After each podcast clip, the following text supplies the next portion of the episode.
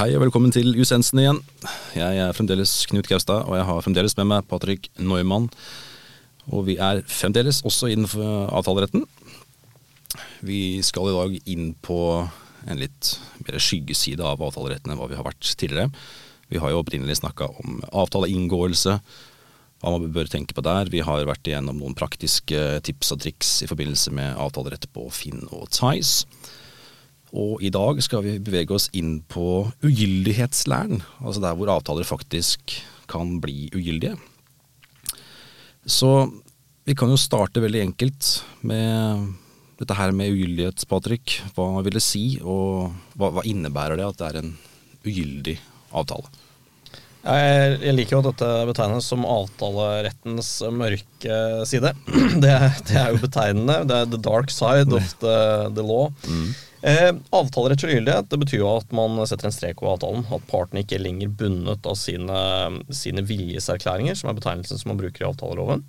Eh, altså at man er ikke lenger forplikta av sine løfter ved inngåelsen av avtalen. Slik at eh, man, eh, avtalen opphører å være bindende mellom, mellom partene. Akkurat. akkurat. Uh, dette her er jo ganske tungt regulert gjennom avtaleloven. Uh, men det er jo flere måter å oppnå denne ugyldighetsstatusen. Uh, hvilke måter kan lede fram til ugyldighet? Ja, Vi kan jo zoome litt ut, og så kan vi jo si at uh, avtalerettslig gyldighet det er jo egentlig et unntak fra prinsippet om at avtaler skal holdes. Så i de tilfellene, på nærmere gitte vilkår, så kan man si at det kan være ulike grunner som, som, innebærer at man ikke lenger er forplikta til å, å, å, overholde den avtalen man har, har inngått. Mm. Vi kan kategorisere det på ulike måter. At det er ulike grunnlag som gjør at du kan si deg fri fra avtalen. Og det kan være mangler ved måten avtalen inngås på. Altså det er omstendigheter som tilsier at ok, her er det noe som, som gjør at man ikke lenger skal være forplikta. Eh, det kan være mangler ved innholdet i avtalen. Det kan være mangler ved partene. Ikke at partene mangler, men at det er et eller annet ved partene i seg selv som tilsier at, eh, at, eh, at avtalen blir gyldig. Og så er det eh, mangler ved, ved formen. Det er særlig de fire kategoriene. Ok, ok. Uh, og alle disse, disse, formene, er det ting som er hjemla i avtalelovens kapittel tre om mulighet? Ja, vi finner uh, regelen om gyldighet der. Og det er, som du påpekte, relativt regulert. Sånn at vi har ganske mange ulike regler. Noen fra opprinnelig avtaleloven fra 1918, som, som var der når vi fikk den, den, den loven. Mm. Eh, og så har vi også eh, nye lover som har kommet til senere, f.eks. avtaleloven 36, som egentlig er eh, en nyvinning, da. Som ikke var der i den opprinnelige gamle loven. Skjønner. Hva er egentlig, Siden den kommet inn som en nyvinning, og den er jo ofte en bestemmelse som det henvises ganske ofte til når du beveger deg inn på det området her, hva er så spesielt med avtalelovens paragraf 36 kontra de andre? Den er ikke så veldig si, spesiell sånn sett, men det som er uh, kanskje interessant med avtalen 36, det er at den er veldig vidt formulert. altså Ordlyden tar høyde for en hel rekke tilfeller med mangler ved innholdet i avtalen. altså det Vi kaller det for en urimelighetsregel.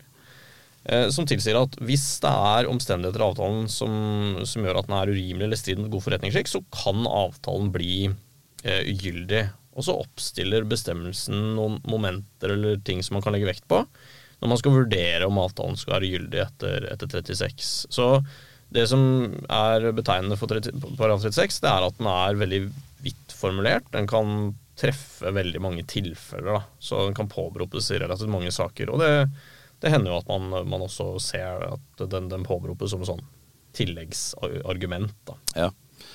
Uh, det samme kan jo, ikke, ikke nødvendigvis samme skala, men uh, også paragraf 33 er jo noe som nevnes uh, hyppig i forbindelse med, med ugyldighet.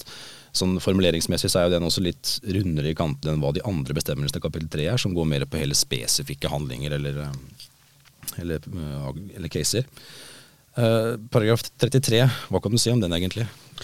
Nei, Den gjelder jo da mangler ved måten avtalen blir til på. Altså Det er en eller annen omstendighet som, som gjør at uh, når avtalen blir til, som gjør at avtalen ikke skal være forpliktende.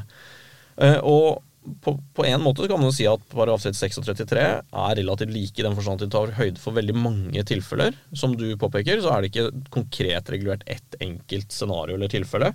Men den er vidt formulert, som tar for seg alle omstendigheter, som ordlyden sier, som kan være på tidspunkt man får kunnskap om motpartens erklæring, altså løfteutsagn, typisk en aksept. da. Ja, okay, ok. Så det, det Skoleeksempelet er jo at du selger et hus hvor det er, eh, hvor det er ekte hussopp eller en annen form for skavank i huset som du, ikke, som, som du er helt klar over, som du velger å ikke opplyse om. Eh, og da har du opptrådt illojalt, og det er jo selvfølgelig en omstendighet som, som kjøper av dette huset ønsker å, å vite før man velger å, å legge inn et bud. Eh, men du skjuler den opplysningen, og da kan den avtalen bli gyldig etter paraf 33, eh, fordi det vil være uredelig å si at du skal være forplikta til å kjøpe huset i den, i den stand. Ja. Da ser vi jo også at det er det fins konsekvenser også for å bryte denne lojalitetsplikten du nevnte i episoden vår om avtaleinngåelse, faktisk. Så det fins jo noen røde tråder her gjennom, eh, gjennom avtalerettene.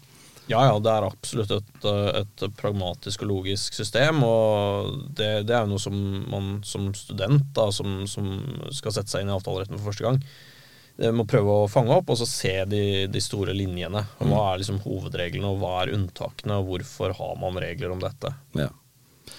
Eh, du nevnte jo at eh, konsekvensen av en ugyldig avtale er det som kalles en nullitet. Så den eneste praktiske konsekvensen av at en avtale er ugyldig, er at den opphører, holdt jeg på å si. Det, det, er ikke lenger forpliktelser å oppfylle avtalen. Det er ikke noe mer enn det som skjer.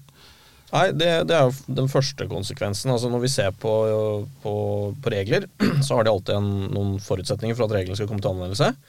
Eh, og så har det noen konsekvenser hvis den først kommer til anvendelse. Det er det vi jurister kaller for rettsfølgen. Og rettsfølgen er jo utgangspunktet da at uh, avtalen blir ikke lenger forpliktende mellom partene. Altså du trenger ikke å Eh, oppfylle avtalen slik den er inngått.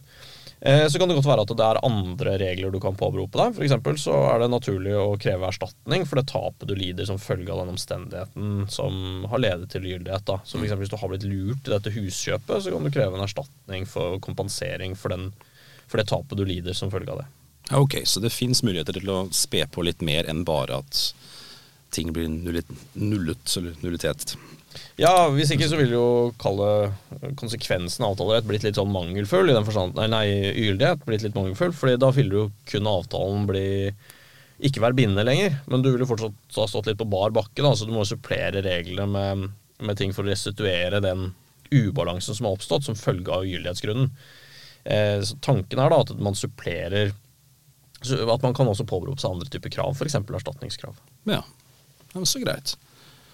Tenker du at vi har klart å male et veldig presist og komprimert bilde av ugyldighetslæren? Eller er det mer vi bør trekke inn, så lytterne blir fullstendig berika?